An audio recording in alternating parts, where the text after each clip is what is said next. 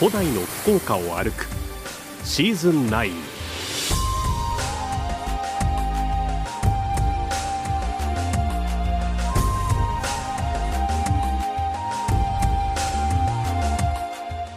遥かな昔海の道からそして陸路を通じて福岡にはさまざまな文化が入ってきました。その足跡を訪ねる古代の福岡を歩くシーズン9この番組は宮間市の企画協賛餃子の山八道の駅宗像の提供でお送りいたします。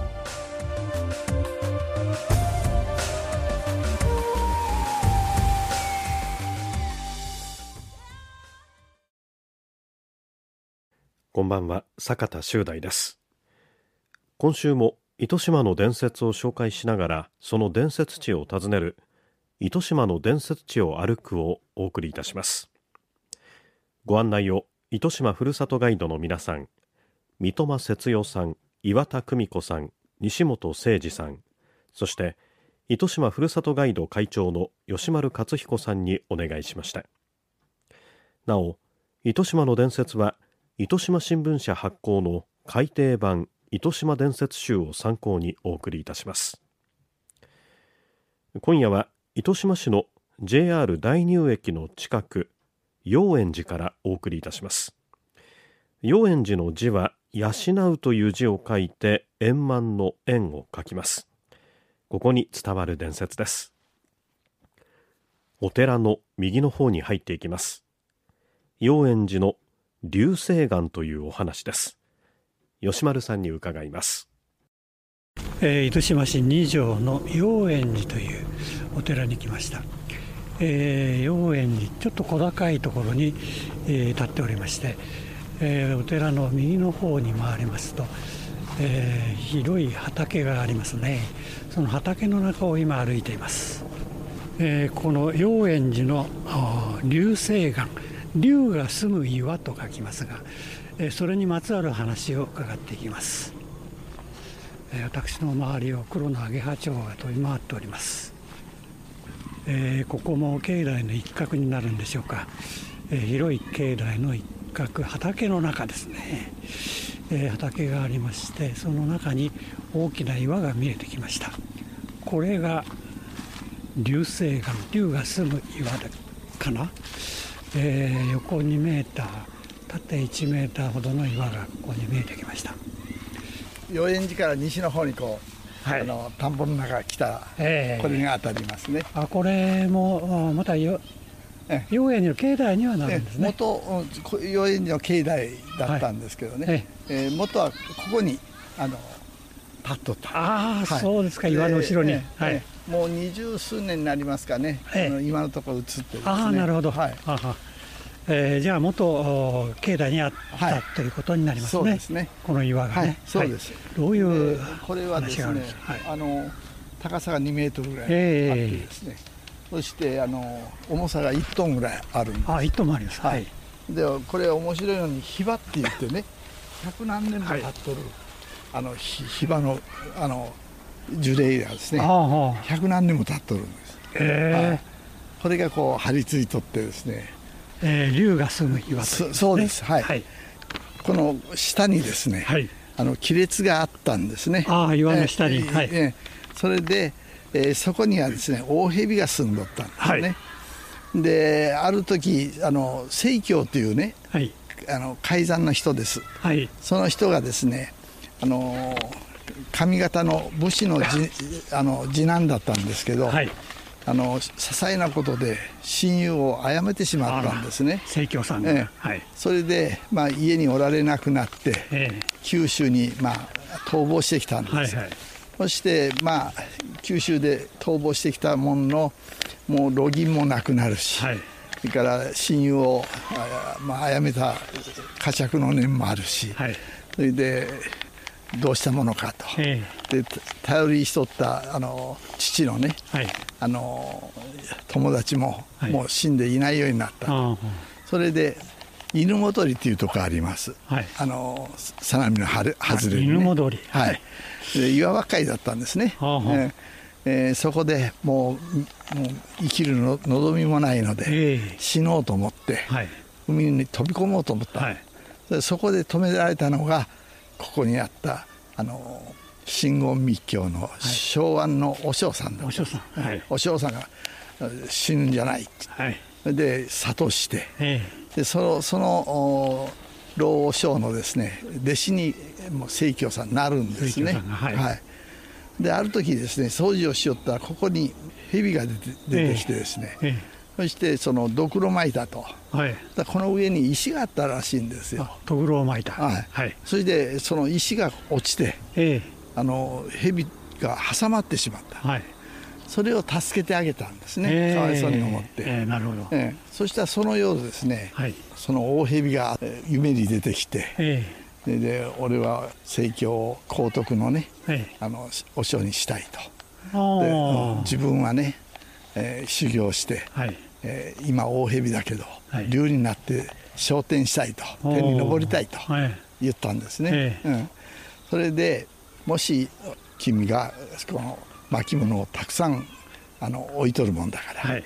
あのこれを勉強して、ええ、くじけそうになったら僕の修行を見おいでと大蛇が言うんですね。え。え、それでも巻物を見てみると、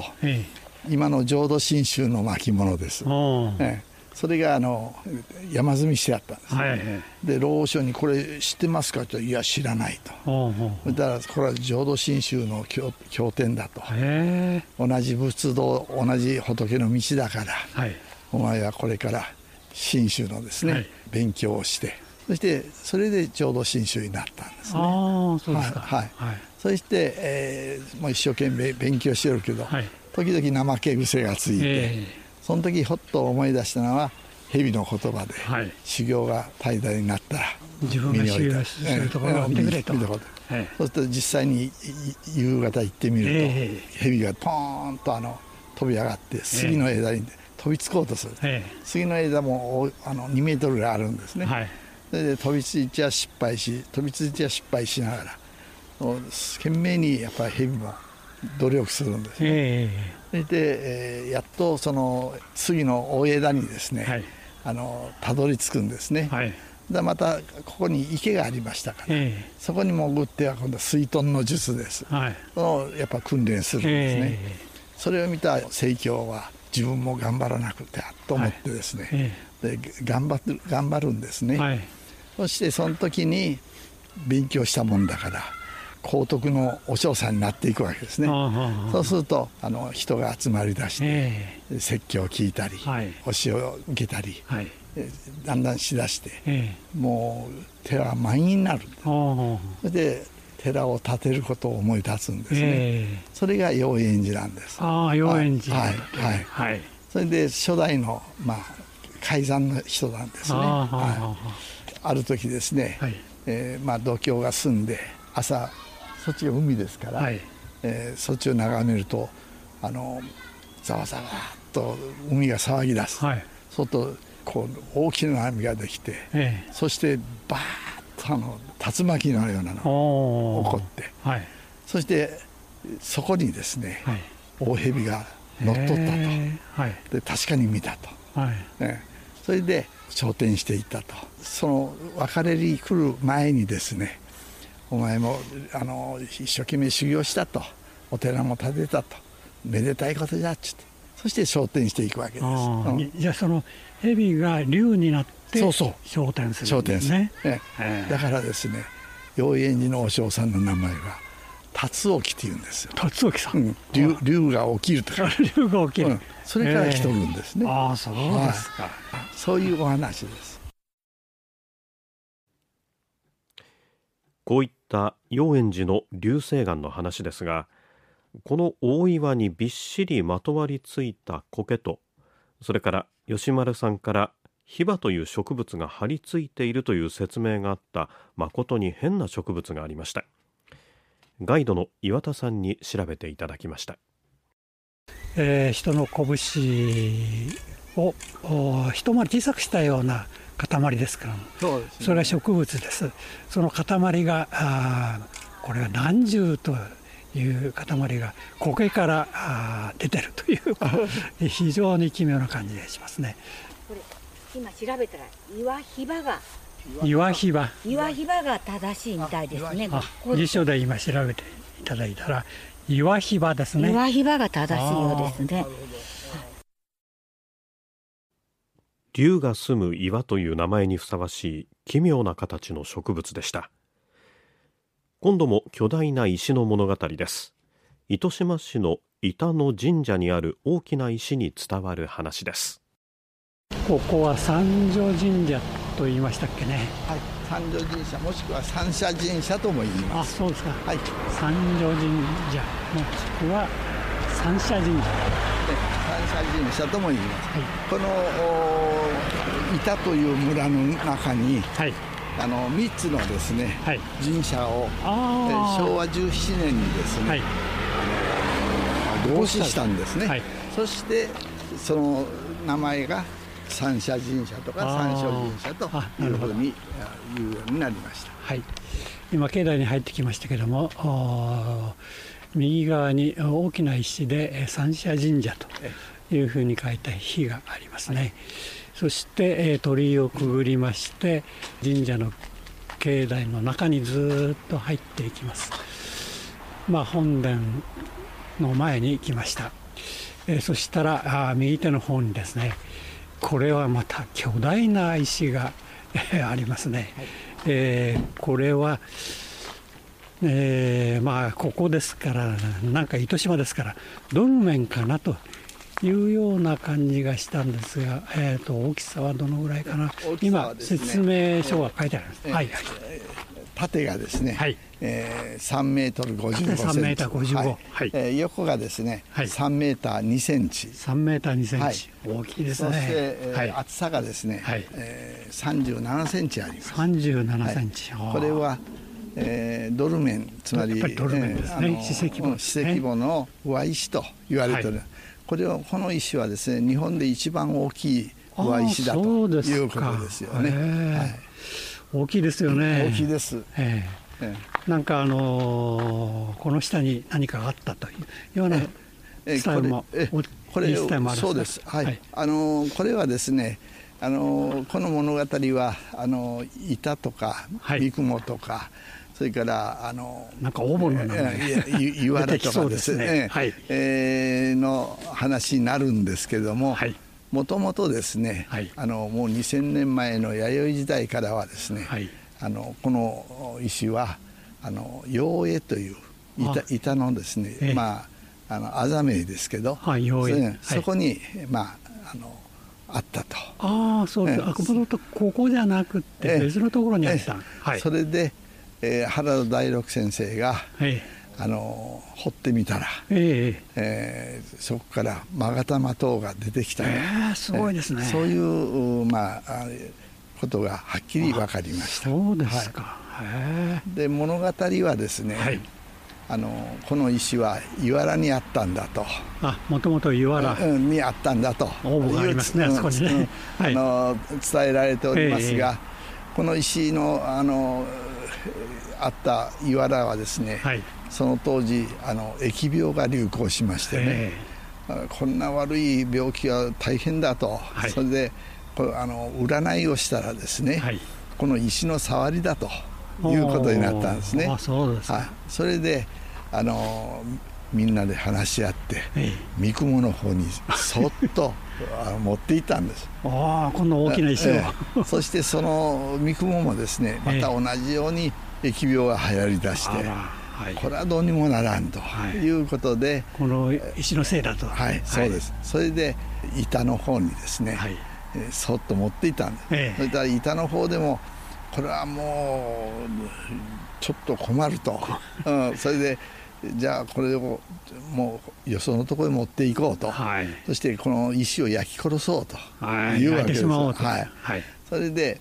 まあ、あの板っていうところの陽影という、はい、あのあざ名があります、はい、えそれはね高麗寺というあの村のすぐ境なんですね、うん、そこにこっそり持っていったんですね、はい、はい、で本当はもうこの石は元からあの陽影というところに、まあ、あった石ですもんね。うん。はい、まあ、そういうことでですね、はい、あのその頃、まあ糸島各地でですね、はい、夏の稲のですね、はい、害虫運河というのがありますもんね。はいはいね。稲を食い荒らすということで、まあ民間ではクジラの油をですね、稲にかあのかぶせて、あの運河を窒息させたりするんですそれでもう一つはですね松明を持って、はい、そして村のあの田んぼのあぜからあぜへずっと巡っていく笛笛太鼓を叩きながら、ええー、実森団の通りだ実森丼の通りだ、はい斎藤実森ですね。斎藤実森という人がいた、えー、という人が、あの言いましてね、えー、まあ、源平合戦の時のあの武将です、はい、で老人でありながら、えー、あの白髪を染めてね、はい、勇壮に戦ったと。そして亡くなった時に首を洗ったら白髪だったとい。うようなことでですね、はい、優勝なんです。あの素晴らしい活躍をした人なんですね。平家型です。えこれはですね、はい、あの実はあの北陸出身なんですけど領地をですね、え武蔵の国の長井という郷にですね、はい、をもらって、そこに長く住んどったんで、えー、長井のあの別当と言われておりました、はい、で斎藤実盛という人なんですね、はい、うん、それでそのちょうどですねあの平家のですね、はい、維盛とかですね、はい、源氏の為朝ですね、に、えー、まあ味方したりしてちょっと微妙なところにあの領地をいただいたんですね、うん、だから、まあ、あの篠原の戦いって言ってあの鴨市という北陸のね、はいはい、えー、ところで奮戦するんですね、うん、それであの、まあ、一説には馬がですね、はい、稲の切り株につまずいて転んで、はい、そして落馬してそこを撃たれたとい。うような話もあるんです、はい、だから稲別当とかですねそういう、はい、そういうふうに、ね、あだ名があった、はい、あだ名があったんですね、まあ、そういう人物でございます。はい。でそれをその松明をたあの掲げながら、はい、あのそういう歌を歌って「実森だの」えー、実森のお通りだと「お通りだと」のあのお供にっていうね、はいはい、そういう歌があるんですね、はい、そういうのをかたあの掲げながら松明を焚いて、はい、あぜ道をずっと歩いて、で最終的にはですねあのどこの村も村境とかあるいは川のそばとかですね、行ってそれで終了になるんです、はい、稲の虫を殺してですね。稲の虫、ええ、実森丼というのはイナゴと同じように扱われたんですあのそうですね。あの、はい、別名でイナゴの生まれ変わりだという話もあるんです、うん、それで燃やしちゃおうと、ええ、そうです。それでまあ、ええ、本当はまあ運河でしょうね、えうん、運河ですけどもまあそういうふうに噴火はあの火火の方に飛んでくるもんです、はいはいはい、それでまあ焼き殺すということですね。そしてもう最後はあのこの板はですね、ええ、あの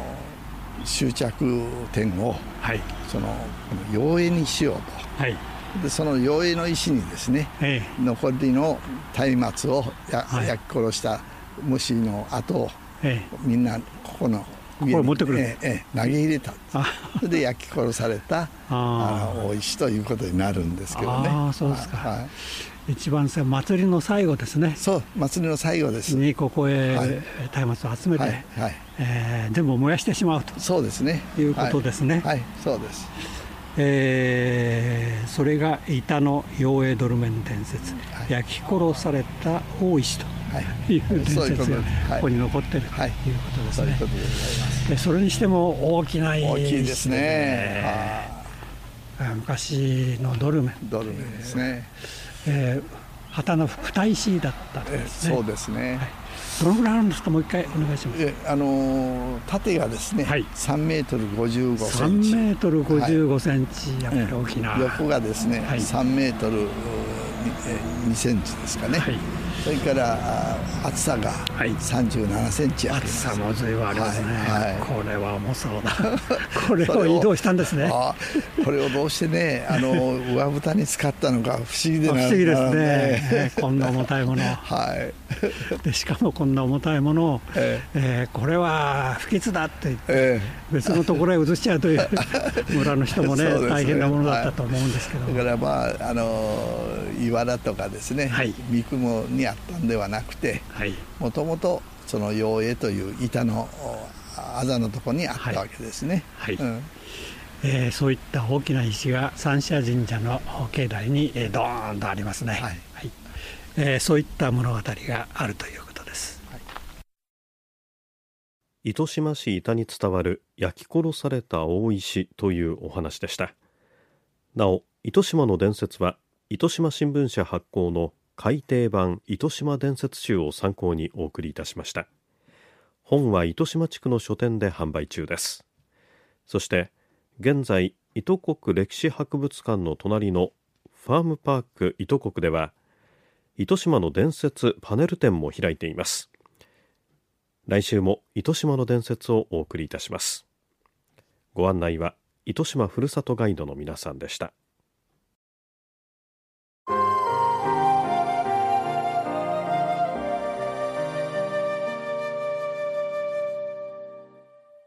ここで古代の福岡を歩くリポーターの中島理恵さんです。こんばんは。こんばんは。今日は泉屋六時のシナモンティーをご紹介しようと思います。泉屋六時、えー、漢字で書くと湧き入れる泉に、えー、やお屋根の屋ですね。はい、で漢数字の六に明治時代の字と書きます。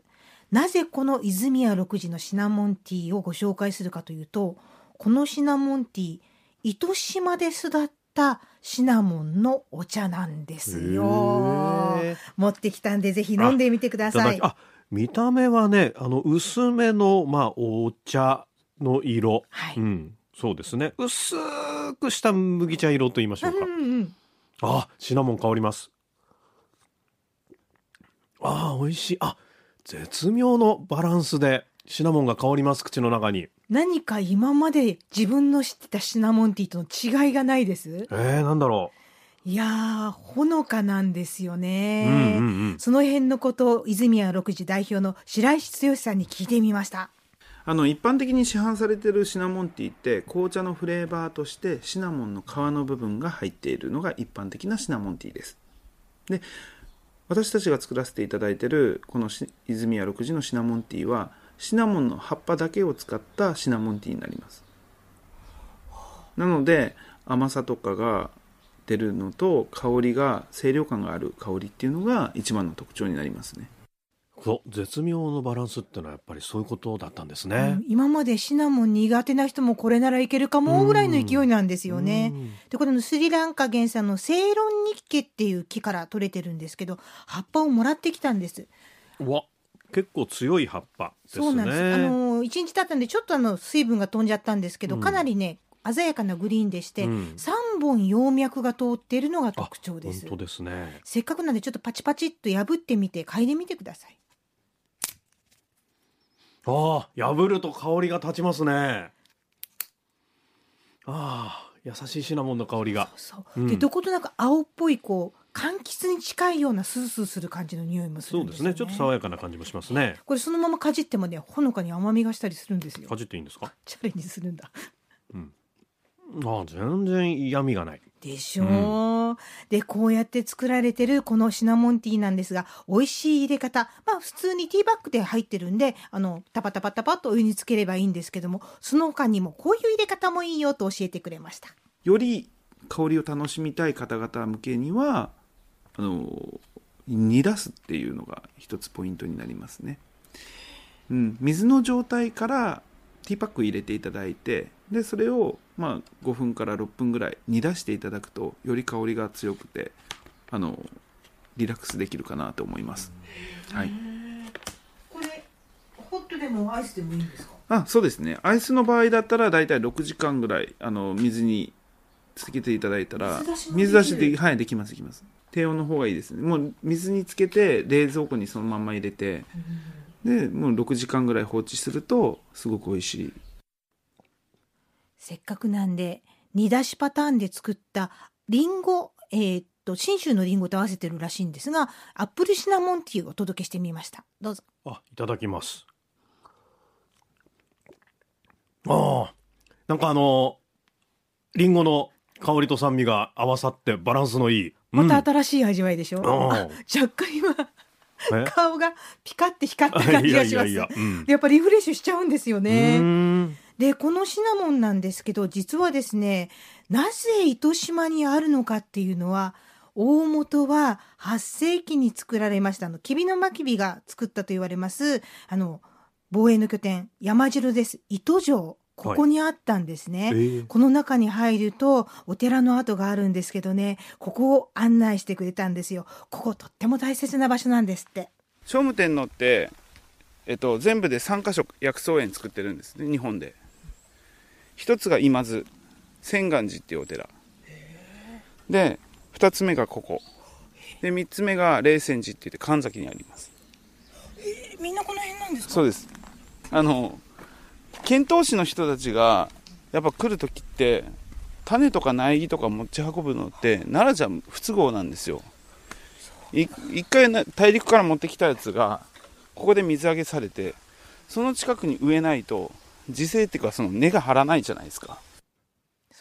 うん、ベースはその辺から生まれてるんです。今やシナモンの森がこの奥にはあったりするんですよ。ぜひこの美味しさは泉屋6時のシナモンティーで飲み干してください中島理恵さんでした。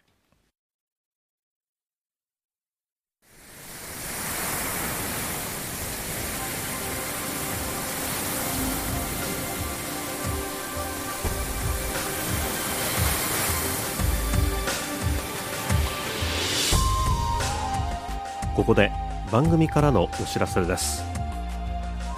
ホームページのご案内です。これまでの放送内容と番組を1回目からじっくり楽しむことができます。RKB ラジオのホームページの古代の福岡を歩くシーズン9のバナーをクリックしてください。またラジオクラウドという無料アプリをダウンロードすればスマートフォンやタブレットでもお楽しみいただけます。この番組は宮山市の企画協賛餃子の山八道の駅宗像の提供でお送りいたしました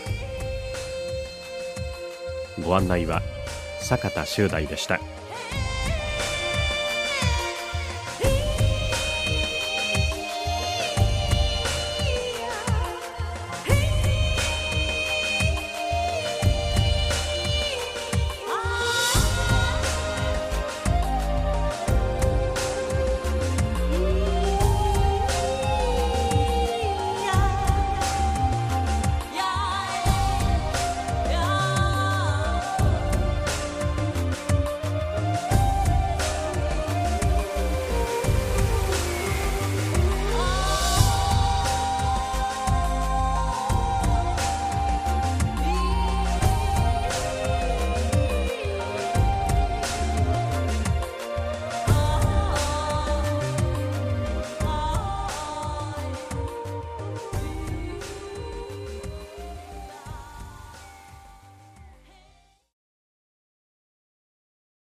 RKB 毎日放送アナウンサーの田畑隆介です。橋本由紀です。RKB ラジオ田畑隆介グローアップでは気鋭のコメンテーター陣が日々のニュースを分かりやすく解説しているコーナーをポッドキャストで配信中です。ジャーナリスト鈴木哲夫さんによる政治明治大学教授飯田康之さんは経済長崎県立大学教授鳥丸聡さんは九州経済毎日新聞論説委員本村由紀子さんは科学。この他にも音楽プロデューサー松尾清さん RKB 報道局の神戸金文解説委員長日経ルギーネクスト編集長山根佐伯さん。スポーツ文化評論家玉木正之さん。元 RKB 解説委員長飯田和夫さん。クリエイティブプロデューサー三好剛平さんが毎週さまざまなテーマで今ホットな話題を提供しています。アップル、スポティファイ、アマゾン、グーグルの各ポッドキャストで RKB ラジオで検索してフォローをお願いします。またリアルタイムで番組をチェックしたい方はラジコで RKB ラジオ田畑竜介 Grow Up を聞いてください。毎週月曜から木曜朝6時半から9時まで放送中です